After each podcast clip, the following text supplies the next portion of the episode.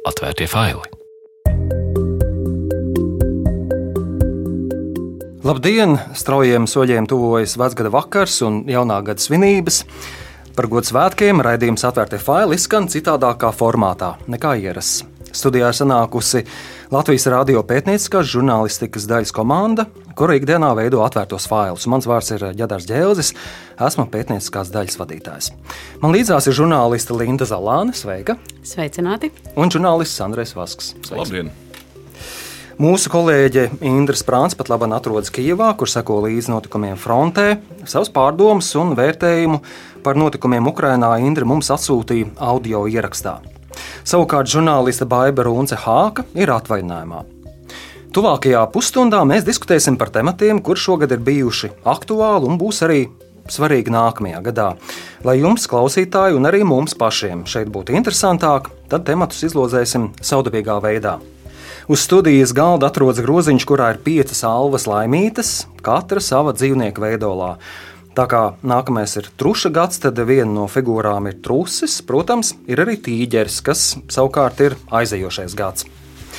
Katrs no klātesošajiem pēc kārtas izvilks pa vienam alvas dzīvnieciņam, pie kura ir arī piestiprināts temats, kas ir aizlocītā papīrītī. Kuru tematu izvilksim, par to arī diskutēsim. Kad to būsim iztirzājuši, tad vilksim nākamo laimīti un runāsim par nākamo jautājumu. Ja palēmēsies, tad pagūsim izrunāt visus tematus. Nu, ko netērēsim laiku un sāksim. Es domāju, Linda, mēs varētu sākt ar tevi. Tātad groziņš ceļo pie tevis un, un droši izvēlēt vienu laimīgu. Es neskatīšos. Tā. Tagad rītdien tik vaļā man tematu. tīģeris ir gadījies. Un temats arī tepat. Nolasīšu tematu. Latvija palīdzības ziņā ir līdera Ukrainai, ja to salīdzina ar citām valstīm, un ar to varam lepoties. Arī mūsu pilsoniskā sabiedrība ļoti atbalsta un cenšas palīdzēt Ukraiņu tautai, cik nu katrs var.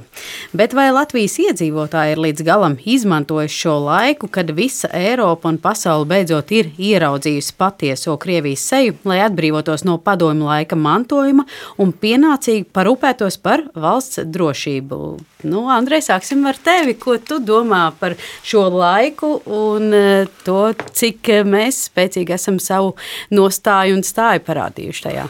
Nu, nostāju un stāju mēs kā, kā sabiedrība esam parādījuši, man liekas, pienācīgi labi, jo tas arī visur starptautiskos mēdījos tiek pieminēts, ka Baltijas valsts, tostarp arī Latvija, ir viena no lielākajiem atbalstītājiem ne tikai sabiedrības ziedojuma veidā, bet arī valsts nezinu, militāro, eh, militārās palīdzības veidā. Man ļoti pašam ļoti patika tas moments, ka Latvijas armija, aizsardzības ministrija, laikam, bija nodevusi tos pretanku ieročus vēl pirms tā kara darbība sākās. Tas jau nozīmē, ka tās ziņas bija, tas risks tika pietiekami izvērtēts. Un, un, un kad, kad tas trieciens būs, un ka tie ieroči jau bija tur tajā brīdī, kad tas viss gāja vaļā.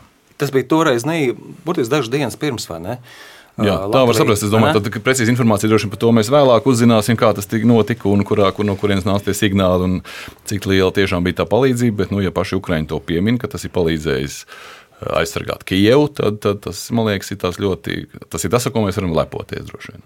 Jā, manuprāt, Baltijas valsts ir, ir svarīgi, ka, ka mēs esam redzējuši šā gada laikā, ka tiešām tādas ļoti aktīvas uh, ir, ir izteikuši tiešām tādu drosmīgu viedokli. Visu laiku mudinām, vai ne, Rietumu Eiropu neaizmigt, eh, turpināt piegādāt ieročus, jo mēs redzam, teiksim, kaut kādas vēsmas, kas varbūt eh, vecajās rietumu valstīs, kas varbūt Francijā pat labi, ne tīpaši pēdējā laikā notiek, kur, kur Makrons izteicās, ka varbūt nevajadzētu tik ļoti vai ne rūpēties par, par, par to kopējo drošības situāciju, bet vairāk teiksim, domāt par to, kā teiksim, rūpēties, padomāt par Krievijas interesēm, kas, protams, liekas interesanti, ja, bet, bet man liekas, ka Latvijas tiešām tā nostāja, tas ir kaut kas, ko mēs varam lepoties. Kā, kāds tev ir? Man uh, prieks un tādas uh, lepnums. Uh, par to, ka šajā laikā pilsoniskā sabiedrība uzplaukas. Mēs atceramies gājienu, kas vijās pāri tiltam, vecrīgā un vēl nedaudz eh, par to, ka tā lavīna ir aizvēlusies attiecībā uz eh, padomu mantojuma pieminekļiem, par ko es biju ļoti īstenībā nedaudz eh, pārsteigta, ka tik daudz labi par vienu mēs reizi gadā atceramies un piespiedu kārtā dzirdam plašāk, bet to, ar ministru kabinetu lēmumu tur 69 un tikpat vēl pašvaldības paši tāds klusējošs padomu mantojums, kas ir bijis mums līdzās un līdz šim mēs zinājām par to, bet neko nedarījām. Bet šis ir tāds pagrieziena punkts, manuprāt, kas pozitīvā gultnē runā par uh, padomju pieminieku demontāžu. Mm -hmm. Ko mēs arī mhm. esam uh, šā gada laikā atvērtajos failos, esam par to runājuši gan, gan neilgi pirms, gan arī, gan arī pēc. Mēs, mēs skatījāmies, vai ne reakciju. Kā jums, kolēģi, liekas, teiksim, vai Latvijas sabiedrība jau ir, ir pieņēmusi to par tādu normu, ka, ka, teiksim, ka šādas lietas notiek? Es domāju, nu, ir, kaut kāds, ir kaut kāds pieredums pie tā, ka tas karš teiksim, Ukrainā notiek. Ja? Par to mēs runāsim citā tematā, bet, bet īsi es domāju par tādu Latvijas sabiedrību. Es domāju, nu, Andrej, kā tev liekas? Nu, man, man teikšu tā, runājot par pieminiektu, tad parādījās tā ideja, ka tas ka, nu, jaucam nost, kad sākās, sākumā likās, ka ir nu, vai nu līdz tam aizies. Jo tā doma jau bija skaidra, ja nu jā, jājauc nost, tad tas ir jādara tagad. Otrs tādas iespējas vairs nebūs. Bet arī pašā laikā bija tās diezgan lielas bažas par to, kā reaģēs tā Latvijas krievalodīgo sabiedrības daļa, ko tagad ar laikam vairs tā nevar visus dēvēt krievalodīgie. Droši vien jāsaka tie, kas ir jau, jau krievi. Nezinu, nu, nu, krievi, bet arī droši vien ne visi, kad nu, tādi. Uh, kuriem šis mantojums ir svēts un kas varbūt kam patīk tās krēmļīdējas. Tur jau arī ir eh, droši vien vienam, vienam tā ir. Tā ir kaut kāda, nezinu, tā kā tiek pielīdzināts mums tā kā Jāņa, tas, tas, tas 9. maija, un otriem tas savukārt ir simbols tai Krievijas varenībai un impērijai, ko šobrīd iemieso Putins. Un tad man liekas, ka eh, bija, nu, tādas bažas man bija, ka, nu, ka sāksies kaut kāds liela, liela nemieri, ko atkal var destabilizēt situāciju Latvijā. To var izmantot no ārpuses, nezinu, provokācijas un kaut kāda drošības apdraudējumi. Bet eh, pārsteidzošā kārtā jā, tas, tas viss noritēja mierīgi. Un, un acīm redzot, tai krievalodīgajai sabiedrības daļai bija jau tas, tas karš bija arī tādas pārdomas ieviesis, ka viņi nebija uz aktivitāti, uz agresiju, bet vairāk uh, uz tādu nu, novēro, novērošanas pozīcijās. Mums vēl viena minūte. Palikus, jā, kaut gan runas jā, par to, ka tas nepaliks bez sekām un uh, tā tās runas bija, bet darbi nesekoja. E, par to es arī tieši tāpat kā to Andrei bažījos, ka kā tas, e, kā tas būs un kā tas izskatīsies ārpus Latvijas robežām un kādas seks tas nesīs. Bet e, pagaidām izskatās labāk nekā domāts sākumā. Man arī bijušas tādas pārdomas, ka, protams, ir ļoti, ļoti klusa šī, šī sabiedrības daļa. Kas būs tālāk, to, protams, mēs redzēsim. Cerēsim, ka tās pārmaiņas notiks. Arī, protams, mēs zinām, ka skolās pāriet vai ne uz latviešu valodas mācību. Tā kā tas ir temats ļoti plašs, bet, lai mēs paspētu tiešām iziet tos piecus tematus, mums jāvāk nākamā laimīta Andrei. Lūdzu. Es ņemu kādu dzīvnieku. Tāds dzīvnieks man ir gadījies trusis. No, nu, tas ir nākamā gada tieši. Jā, redz, kā bija. Tīģeris bija pagājušais. Jā, bet, jā tas ir aizjūšies. To mēs vēl neesam. Nē, izvilkt. Izvilkt, izvilkt. Tīģeris ir. Tā, ko mums tagad trusis ir sagatavojis? Tā tad nolasu jautājumu. Dramatiski augošās enerģijas resursu cenas, kas ir pamatīgi ietekmējušas mūsu ikdienu, ir daļēji radušās tādēļ, ka Krievijas diktators Vladimirs Putins izmanto gāzi un naftu kā ekonomikas ieroci. Vai jūsuprāt, nākamgad varam sagaidīt cenu krišanos? Droši vien lielākajam ekonomikas speciālistam starp mums Lindai jautājumu. Jā, tās cenas uh, iet vēl aizvien uz augšu, un pēdējie tie, um, inflācijas rādītāji arī ir uh, tādi, ka 22% robeža ir sasniegta, bet tā labā ziņa ir tāda, ka ekonomistu prāt tā ir tā galējā robeža. Un, eh, tās cenas nevar eh, kāpt mūžīgi, un eh, pēc tam tā lejupslīde inflācijā ir sagaidāma. Tuvākie 3-4 mēneši vēl būs ar augstām cenām, bet pēc tam jau pietuvosimies nākamā, nākamā gada jā, arī nulles atzīmēji. Nu, viena lieta gan ikvienam jāsaprot, ka tās cenas, ko ražotāji ir iecenojuši šajā, šajos gala produktos, tas neatgriezīsies vairs eh, tādā līmenī, kādas, eh, kāds tas bija pirms šī cenu kāpuma. Jo pirmkārt, arī tad, kad eh, pandēmijas laikā bija izaivielu trūkums vai nepietiekamība un izmaksu sadārdzinājums, jau tad ražotājiem būtu vajadzējis pacelt šīs cenas, bet viņi to neizdarīja. Un tad tagad, līdz ar energoresursu krīzi, tas bija tāds īstais un pēdējais brīdis, lai ražotāji varētu tās izmaksas iecenot tajā gala produktā. Nu, tā kā atgriezties pie tādiem līmeņiem, kā, kā līdz, līdz šim, nē, bet dzīve kļūs lētākajā izmaksu ziņā. Es arī domāju, īsti piebildīšu no savas puses. Protams, pārtikas, pārtikas ziņā es arī pats aizēju uz veikalu. Tas, tas cenu pieaugums tiešām ir ļoti, ļoti liels. Un tad, un tad man pašam rodas brīžiem jautājumi, vai tiešām tās pārējās kaut kādas produktu kategoriju teiksim, grupas, kurās ir šis, šis cenas pieaugušas, vai, vai kaut kādā mērā tās neizmanto to izdevību. Ja, protams, tas ir jautājums arī, ko tu pats arī nesen taisīji raidījumu par, par, par Baltijas valstīm, par ekonomiku, ja plašāk. Es, es neesmu pats tieši tajā gājis iekšā, bet teiksim, man, man ir pašam cerība, ka šīs cenas tomēr kritīsies. Es ceru, ka, protams, mēs runājam arī iepriekšējā tematā par drošību, un es domāju, ka kaut kāds, tas, protams, tas karš tur notiek, un tas tā daļa noteikti ir no tā kārdē. Bet, Andrej, tu gribēji kaut ko piebilst? Jā, es gribēju piebilst, ka e, cenas e, reti kad krīt lejā. Cenas varētu nokrist tādā gadījumā, ja e, Krievija zaudētu karā atgrieztos uzreiz naftas krāni, tiktu atgriezti, lai saturētu to valsti kopā, lai kas tur no viņas būtu palicis pāri. Un eh, tad arī naftas cenu krituma rezultātā strauji arī nokristos, eh, nu ne strauji, bet nokristos arī drusciņi visas cenas pārtikai un vispārējiem. Bet, eh, lai tās cenas jau nekritīs, tad otra iespēja ir spiest augšā algas. Kad ir tagad, ir, man liekas, tas ir tas, tas krīzes, tā, tā, tā, tā krīzes spirāli novad pie tā, ka tāda, nezinu, tā tāda, tāds cikls dabiskais, ja, kad ir, pieņemsim, tiem cilvēki, kas ir panākuši algu pielikumu pirms gada, nu, viņiem tagad ir tā alga, alga tas algas kaut kādā veidā no, nostaigās.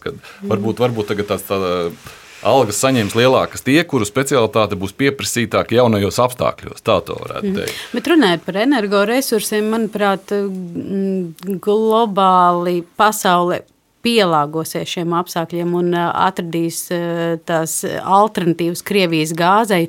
Tas ir viens no aspektiem, kas palīdzēs arī katrā valstī pēc tam regulēt šīs cenas. Tas ir viens, un tas jau un arī Uh, nu, tās visas energo izmaksas, kas mums ir siltuma rēķina, par ko visi baidījušies, un nu, ir sa saņēmuši, nu, tas arī ir jautājums. Nu, šo, šogad, jā, tās izmaksas ir un tie rēķini ir lieli, bet mēs tos neredzam pilnībā, jo mums ir valsts atbalsts. Cik tālu un cik ilgi valsts varēs to maku turēt atvērtu un mums visiem palīdzēt. Tā kā nākamā ziema atkal būs ja, ja, jauns izaicinājums un jauni, jauni jā, mērķi, kas valdībai jāsasniedz, palīdzēt un cik tālu. Andrej, es tev gribēju pajautāt, un nesen arī taisīju, kā es pieminēju šo raidījumu, kur tu runāji par Baltijas valstīm, to, ka Latvija, ir, Latvija iepaliek. Ja, tur ir diezgan skarbi tie secinājumi, ka pat par paudzi nemaldos. Ja. Tavuprāt, teiksim, ņemot vērā visu šo situāciju, cenas pieaug, to, ko tu pats sacīji, kā tev, kā tev šķiet, ko tas nozīmē Latvijai? Mums drīz jāiet uz nākamo tematu, varbūt tu vari tā noslēdzoši pateikt uh, šo tematu. Nu, tā, tā, tur tā ļoti viegli nevar pateikt. Tas, tas atpalicības iemesli ir, nu, tur bija vajadzīga pusstunda un tāpat tās. Nu, nevarēja visu izstāstīt, bet eh, nu, tas jau arī ko vārdiski jau ļoti viegli pateikt. Mums ir ļoti steidzami vajadzīgas radikālas reformas. Un tās lietas arī visas zināmas. Tur ir izglītība, eh, uzņēmumu uzraudzība, reģionālā attīstības uzsvari jāpārliek citādāk. Bet eh, to ir viegli pateikt, bet grūti izdarīt. Tā, paldies tev! 44. tieši kā mēs bijām runājuši, mums jāiet pie nākamā, nākamā temata. Mums ir savs studijas pulkstenis, tā kā ļoti labi. Uh, mums, uh, mūsu kolēģe Baiba Runce Hāka ir, um, ir ilgā atvaļinājumā devusies, tādēļ es izvilkšu laimīt viņas vietā un arī nolasīšu viņas vietā šo nākamo jautājumu. Tad mums ir pērtiķis. Kad ir pērtiķa gads, to es nezinu, varbūt kolēģi jūs zināt, bija sen, nesen. Nu. Nezināšu. Es laikam ar nezināšu. Bet, jebkurā gadījumā, šī laimīga aiziet kolēģei, un to viņi varēs arī izliet, vai ne? Uh, vecgada vakarā. Bet tā tad es uh, lasu šo tēmatu. Aizvadītā vasara atgādināja, ka karstuma viļņi ir jaunais normālais, un sinoptiķu laika prognozēs esam jau pieraduši dzirdēt, ka tas ir, pārsp ka ir pārspēta kārtējie laika apstākļu rekordi. Un tad ir jautājums, vai Latvijas politiķiem un pie varas esošiem rūp dabas aizsardzība, kas ir tiešām saistīta ar klimata pārmaiņām. Ko parādīja šis gads? Varbūt, Andrej, tev mēs atkal varam sākt. Tu nesen arī taisīt tematu par Mārupas dižozolu, protams, kas nav tieši saistīts ar šo visu, bet tomēr dabas aizsardzību. Nu, dabas, aizsardzība, nu, dabas aizsardzība un klimata pārmaiņas tās jau faktiski sāka palikt par uh, dažādām lietām. Jo tās klimata, dabas aizsardzība ir tāda mums tuva un saprotama, bet tās klimata pārmaiņas tas jau vairāk ir tādi ekonomiski un mūsu dzīvesveidu izmaiņu. Uh, tas prasa mainīt mūsu dzīvesveidu un dzīves stilu. Un, uh, nu, tur arī īstenībā tas, tā, tā kustība, tur jau to vajadzētu pieprasīt ne tikai zaļajiem, lai, lai kaut kas tiek darīts, bet visi, kam ir bērni un mazbērni, tur vajadzētu sākt uztraukties, kad paga, paga, paga, paga ka tas, eh, nu, tās, tās ziepes tuvojās. Un tai, bet tā kā tas tāds ilgtermiņa process, tad to vienmēr var atlikt. Un to mēs arī ļoti labi redzam, ka nu, ne, ne, neiet ne tikai Latvijai, neiet nu, visai pasaulē, neiet to, to mērķu izpildīšanu. Nu, kas mums ir tā pozitīvā lieta, ir, ka mēs esam tajā vilcienā ielikuši, kas ir Eiropas Savienība, kur ir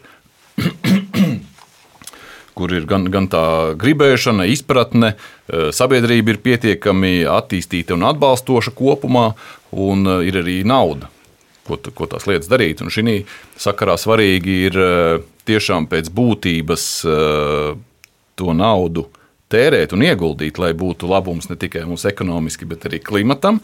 Bet, nu, kā mums bieži gadās, tad šobrīd izskatās, ka tā vairāk mūs interesē mūsu pie varas esošajiem tas naudas jautājums nekā to klimata mērķu sasniegšanas jautājums. To varēja redzēt tajā plānā, kas bija, man liekas, Covid, COVID laikam. Laikā gāja tas plāns, ka tas, tas, tas pirmais grūdienis, kā mēs, kur, kā, kādos, kādās vietās mēs to naudu ieguldīsim. Mm -hmm. No tā atvesaļošanas fonda, jā? Jā, jā, jā, jā, jā. Un arī tas ir mums īstenībā Latvijā līdz šim arī ir pietrūcis tā, tā zaļā spēka. Mums nav uh, Mēs nezinām, varbūt tāpēc, ka mēs, mums ir iestāstīts, vai mēs paši uzskatām, ka Latvija ir pietiekami zaļa, mums tās zaļās idejas nav tik aktuālas, uz ko varētu spēlēt, vai kur būtu jāiegulda savu enerģiju. Nu, pieņemsim, tā pati zaļā partija, man liekas, nu, nav. Nu, nav diezko zaļa. Nu, tagad progresīvie ir paņēmuši šo, šo, šo kārtu rokās. Nu, viņiem atkal tas uzreiz tiek tā, tā, tā tie zaļie tiek pastumti tā kā tie tā, tādas kreisas idejas, nu, kas tādam vairākumam nav, nav tā kā pieņemams vai atbalstāms. Nu, tur tas tā interesanti man šķiet arī.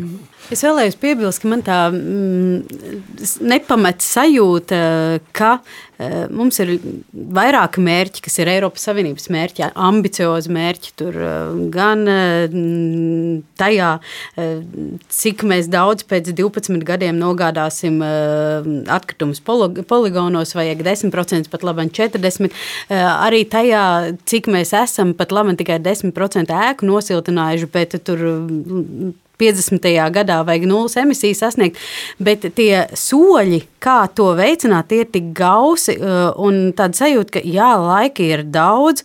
Uh, bet netiek iedarbināta pātaga. Nu, piemēram, par uh, dabas resursu nodokli vai, vai par to, ka tu dzīvo nenosiltinātā mājā. Tā sajūta, ka ir tāds mūžīgais students sindroms, kad pienāks pēdējais brīdis, tad tie uzdevumi jau būs tādi nepaveicami. Pat labi, viņi ir paveicami, bet tā sajūta, ka laika ir daudz, tad tiek nu, stiepta gumija un nav arī tāda politiskā griba pietiekama, spēcīga. Nopaļojot šo tēmu, es vēlos pajautāt, varbūt jums abiem, ja varbūt Andrei, tev pa priekšu. Kā, kā tavuprāt, izskatās teiksim, politiķu rīcība, jaunā valdība vai ne? Um, tavuprāt, vai, vai šīs diskusijas par, par jauno ministriju, ja, kur, kur nodala varas piedošanu dabas aizsardzību un, un klimatu, vai ne? Vai tavuprāt, politiķi tiešām ir ieinteresēti, viņiem rūp šīs klimata pārmaiņas, vai tur ir vienkārši milzīgas naudas apakšā? Tas ir tas jaunais, jaunais kā saka, fondu apgūšanas vai ne, kā saka, joma vai, vai resursi. Nu, tā, tā, tā naudas vara noteikti kaut kādu lomu spēlē, bet es nedomāju, ka tas ir es negribētu ticēt, ka tas ir augstākajā līmenī. Man liekas, ka augstākajā līmenī tā ministrija tiek īpaši izdalīta tādā ziņā. Es arī jā, gatavoju to stāstu par Baltijas eh, valstīm. Es runāju ar eh, mūsu ārvalstu investoru padomu, tad viņi teica, ka galvenā problēma, kas ir, ka, nevar, eh, ka nav horizontālās sadarbības. To, nu, tas ir tāds termins, liekas, tā ar kaut kur minēts, nu, kaut kas tāds briesmīgs, kaut kāds kalambūrs. Bet tas ir tā tieši ļoti, tik, tik, tik ļoti vienkārši, ka nevar sadarboties ekonomikas ministrijas ierēdnis ar uh, vides ministrijas ierēdni. Viņiem pašiem ir savas varas hierarhijas un piramīdas, un tā sadarbība nekādā, nes, nekādā veidā nesnāk. Man liekas, šis ir tāds mēģinājums, šī kā atbild uz tās ārvalstu investoru no, novērojumu, ka nu, taisām vienu ministriju, kas mēģinās to, to enerģētikas eh, jomu, kas attiecas saistīta ar klimatu, kaut kādā veidā izcelt ārā, virzīt. Es gribu ticēt to labāko, protams. Tie stāsti par to, ka tas vēja parks starp Latvijas valsts mežiem un Latvijas energo ir jau iekārojams kumos. Nu, tie ir tādi bailīgi. Es pieņemu, ka eh, tur mums būs darbs jākā. Mm. Nu, vienīgā bažas, ka šādā veidā radot vēl vienu ministriju, tas birokrātiskais aparāts nepalielinās un gal galā par nodokļu maksātāju naudu arī šo aparātu uzturēsim. Nu, ticēsim, cerēsim, ka tā ministrija eh, tiešām darīs tos, tos zaļos un, eh, un klimatam draudzīgos darbus. Drīkst piebilst, es pie katras iespējas vienmēr cenšos atgādināt par to, ka tas, tas ir mīts, ka mums ir uzpūsta ierēdniecība. Tas ir mīts ierēģi, valsts ierēģi, kas strādā valsts iestādēs, ir ļoti, ļoti maz. Mhm. Tāpēc arī mums pietrūkst ekspertu ekonomikas ministrijā, bet tie valsts darbinieki kopā, nezinu, tur, tur drīzāk pašvaldību virzienā jāskatās. Varbūt, ka varētu neveidot jaunu ministriju, bet uh, iemācīties sadarboties ministrijām savā starpā. Tas arī būtu risinājums. Ir jautājums, par kam, kam mums būs jāpievēršas mūsu darbos, vai ne? Bet mums jāiet uz priekšu, lai mēs paspētu vēl parunāt par diviem tematiem, un tagad ir pienākusi kārta man. Es paņēmu arī vienu laimīti, kas ir uh, cūks veidolā. Ļoti jauki. Un skatos, kas mums tur ir pa tematu. Tad šis, šī cūciņa paliek man, to es pats arī izliešu. Tad jau redzēsim, kas tajā figūriņā būs iekšā vecgada vakarā. Tātad un jautājums ir šāds. Kādu mācību esam guvuši no pandēmijas, kas vēl joprojām ir klātesoša visu notikumu fonā? Nu, varbūt es pats arī uzreiz varu savu tādu komentāru no savas puses pateikt. Manuprāt, Protams, karš uh, Ukrainā visu ir, ir aizēnojis, un, un tiešām man liekas, nu, jā, grūti to pateikt, bet man liekas, tā labā lieta tiešām kaut kādā ziņā tas eh, Covid ir aizgājis, aizgājis eh, tādā fonā. Eh, mēs esam vakcinējušies. Bet, ja mēs parunājam teiksim, par, par no tāda personiskā uz, teiksim, uz Latvijas valsti, uz sabiedrību, varbūt Linda, kādas tev ir pārdomas, teiksim, mm. atskatoties uz šo laiku un, un pavērtējot to, kas tagad ir un, un varbūt ko tu sagaidi ar nākamajā gadā? Tad vienā vārdā ietērpjot šo laiku, man tas viens vārds nāk prātā pacietība. Pacietība ir visā, pacietība mainīt savu ikdienu, pacietība, iecietība pret līdzcilvēkiem, eh, pacietība un tāds eh, izdzīvošanas spars uzņēmumiem, eh, kuriem ikdiena ļoti mainījās. Nu, dažādās nozarēs, protams, atšķirīgi. Pacietība un otrs vārds - pielāgošanās. Jā. Tas, ja kādreiz mēs domājām par, tikai par sevi, tad šeit bija tas brīdis, kad bija jādomā ne tikai par sevi sev, bet par savu, par savu ģimeni un, un plašāku sabiedrību kopumā. Andrej, varbūt pavisam īsi mums tiešām jāiet uz priekšu uz nākamo pēdējo tematu. Varbūt no, no tavas puses. No manas komentārs. puses ir uh, viena brīnišķīga lieta. Šī pandēmija izdarītie upuri gan bija pietiekami daudz un pietiekami lieli. Un, uh, bet uh, tas atklāja, cik daudz mūsu sabiedrībā, cik liela mūsu sabiedrības daļa vadās nezinu, pēc auras speciālistiem un sazvērestības teorijām. Un tas, man liekas, arī ļāva sagatavoties tam nākamajam, ka vismaz tagad mēs zinām, ka tā sabiedrības daļa ir krietni liela. Paldies Dievam, vēlēšanas parādīja, ka viņa nav tik liela, lai varētu diktēt kaut kādu toni. Paldies, tev, Andrej. Tā mums ir palikusi pēdējā figūriņa. Mums laiks pamazām, pamazām tuvojas beigām, bet mums ir svarīgi to, to aplūkot. Tātad tas ir būlis, laimīt. Tā iet mūsu kolēģei Indrai, kura ir Ukrainā. Un viņai arī būs, būs šis jautājums. Ja, tas ir, es jau vienkārši zinu, es jau sagatavoju. Jautājums ir šāds: Ja šā gada 24. februāris mainīja mūsu pasauli neatgriezeniski, Krievija sāka pilna mēroga karu un iebrukumu Ukrajinā. Un es Indrai jautāju ierakstā, un viņa mums atsūtīja, atsūtīja savu atbildi šādiem jautājumiem. Tu esi tagad Kijivā. Ko Ukrāņi pasaulē parādīja šogad, un kā tu domā, ko viņi parādīs nākamgad? Man liekas, ka Putins ar šo iebrukumu Ukrajinā ir iešāvis pats sev kājā. Ukraiņu tauta ir saliedējusies kā nekad, un Arī man liekas, ka spēcīgi uzausis arī tāda kā tautas pašapziņa. To ar ieročiem vairs nevar iznīdēt. Šovasar, kad apmeklēju Donbasu, biju arī Solidarā, pašā frontes līnijā, kur man bija iespēja intervēt kādu ukraiņu karavīru. Viņu sauc Andrēs Žavaniks. Un tas, ko viņš tobrīd sacīja, man liekas ārkārtīgi būtiski. Jau sanāca tā, ka, viņa, ka tā bija viņa pēdējā intervija, un divas dienas vēlāk, pēc mana apmeklējuma, viņš uzbrukumā tika nogalināts. Tas, ko Andrejs toreiz teica, ka viss šis karš var būt labs pavērsiens, pavērsienu punkts Ukraiņas at turpmākajā attīstībā ka Ukraiņi tagad cīnās, lai būtu cilvēki, kas var uzcelt šo sapni. Uzcelt Ukraiņu tādu, par kādu paudzes ir sapņojušas. Un, uh, ko Ukraiņi parādīs nākamgad? Nu, tur jau nav nekādu šaubu. Uzvaru, protams, ir skaidrs, ka tā ir neizbēgama. Jautājums ir tikai par laiku, kad tas notiks. Tam man liekas ļoti svarīgi, lai neapsīkst um, rietumu valstu atbalsts ieroču piegādē un neapsīkst arī um, mūsu pašu gatavību atbalstīt Ukraiņus visos citos iespējamos veidos. Jo, protams, tas ir diezgan nogurdinoši katru dienu klausīties ziņas par kārtējiem uzlidojumiem, par kārtējām grūtībām, kādām Ukraiņi iet cauri. Bet es domāju, ka šī uzvara ārkārtīgi nepieciešama ne tikai Ukraiņiem, bet visām demokrātiskām valstīm. Un, protams, ka tā ir ļoti svarīga arī mums. Ukraiņi šobrīd šeit cīnās arī par mums. Esam, cik no laiks atļāva, izrunājuši piecus šogad aktuālus tematus, un katrs no mums ir izvilcis savu laimīti. Kolēģi, kāds vēlējums ir katrā no zvēriņiem, kurus izvilkāt, to varēsiet uzzināt vecgadu vakarā kad liesiet laimi. Bet pirms atvadāmies, kāds būtu jūsu vēlējums mūsu klausītājiem? Andrei, šoreiz sāksim ar tevi. Nu, ja tā īsti, tad uh, divas lietas uh, - mieru un brīvību. Un, uh, es būtu droši vien vēlējis mieru, bet man vēl no skolas laikiem atmiņā ir tas sauklis pasaulē - mieru, miers, tur nezinu, slava un tā tālāk. Līdz to toreiz tā brīvība netika pieminēta. Līdz ar to šis ir jāliek kopā, man liekas, miers un brīvība. Jau, nu, mans vēlējums arī būs kā papildinājums varbūt Andreja vēlējumam, eh, vēl ikvienam un mūsu tautai kopumā eh, stipriem būt gan savos uzskatos, gan savos darbos, ko mēs darām, un nepagurt eh, tajos labajos darbos, ko mēs esam iesākuši. Savu vēlējumu no Kijavas sūta arī Indra. Paklausīsimies. Jaunajā gadā vēlu veselību, izturību un ticību pašu spēkiem. Arī es un kolēģi Baiba Runce Hāka jums vēl priecīgus un mierīgus svētkus un lai izdevies jaunais gads. Vecgada raidījuma atvērtie faili diskusijā piedalījās Latvijas radio pētnieciskās daļas žurnāliste Linda Zalāne.